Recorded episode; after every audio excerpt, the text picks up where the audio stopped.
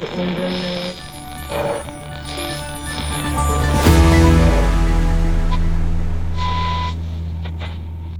och välkomna till 6 minuter, en nyhetspodd i kortformat från tidningen Arbetaren, där vi kort sammanfattar den gångna veckan. Ni kan läsa oss på arbetaren.se och följ oss också gärna på Facebook. Det blir ingen strejk i handeln. Sent i torsdags eftermiddag kom parterna överens. Enligt facket följer det nya avtalets löneökningar industriavtalets längd och nivå. Dessutom blir det en höjning av de lägsta lönerna, vilket var ett krav från Handels när de varslade om strejk förra veckan. Det känns väldigt roligt att kunna stå här och eh, berätta om att vi har två nya avtal i hamn. De här avtalen innebär helt enkelt att eh, Handels medlemmar, de anställda inom handeln får löneökningar som ligger i nivå med de andra branscherna som har tecknat avtal. Det sa Handels ordförande Linda Palmenshofer på torsdagens presskonferens. Däremot kom parterna inte överens om en rad andra viktiga frågor, som exempelvis begränsningen av visstidsanställningar. Den frågan ska nu utredas i en särskild arbetsgrupp. Avtalet är på 29 månader och du kan läsa mer om det på arbetaren.se. Och nu till det alltmer spända läget i Etiopien. Där har hundratals människor dödats och tiotusentals jagats på flykt i delstaten Trigari i de norra delarna av landet. Enligt etiopisk militär ska man nu ha besegrat lokala styrkor i de västra delarna av regionen. Människorättsorganisationen Amnesty rapporterar om en stor massaker mot civila och vittnen på plats pekar ut tigrianska styrkor. Det är dock osäkert vad som händer i regionen då väldigt lite information kommer ut efter det att premiärministern och tillika fredspristagaren Abiy Ahmed stängt både internet och telefonnät i området.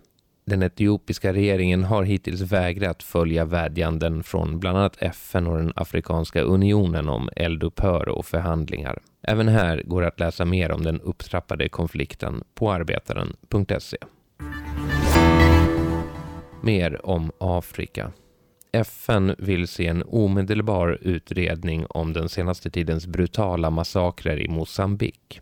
I veckan kom fruktansvärda vittnesmål om hur IS-anknutna grupper stormat flera byar i Cabo Delgado-provinsen. Bland annat ska 50 personer ha halshuggits på en fotbollsplan. Bland offren fanns barn. Dåden beskrivs som de värsta i området sedan den blodiga konflikten startade 2017.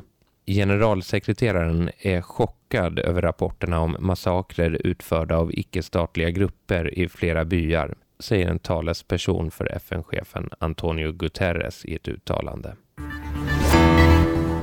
Nya siffror visar att minst 1500 sjuksköterskor världen över har dött i corona under den pågående pandemin.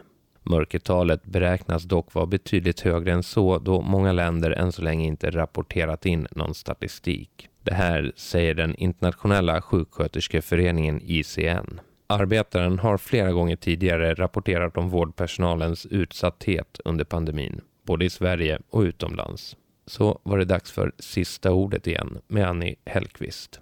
Den så kallade integrationspakten i Stockholms stad ska bidra till att skapa en mer inkluderande arbetsmarknad. Pakten ska korta vägen till svenska språket, utbildning och arbete och stärka integrationen i Stockholm.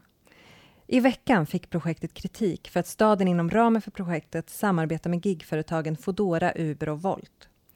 Det hela är förstås ett gigantiskt feltänk. För gigekonomin är en mycket dålig integrationsmotor. Hela gigekonomin är på väg att segregera arbetsmarknaden.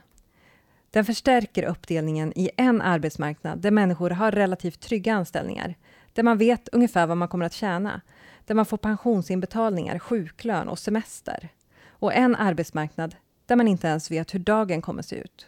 Den här arbetsmarknaden är redan segregerad efter ursprung, även utan Stockholms stads hjälp att slussa nyanlända till dess botten.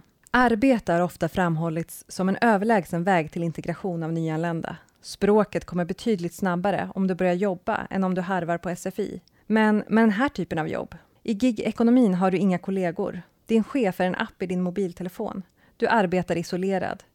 Du tar inte ens betalt av kunderna, det sköts i appen. Du levererar bara maten eller kör bara bilen. Visst kan påhuggen på gigplattformarna ge någon typ av försörjning, men går det att bygga ett liv? Gig-ekonomin riskerar att ytterligare pusha människor med dålig anknytning till arbetsmarknaden längre ut i ekonomins utkanter, där de utan arbetsrättsligt och socialt skydd får kämpa för att få livet att gå ihop. Stockholms stad borde inte hjälpa till med det.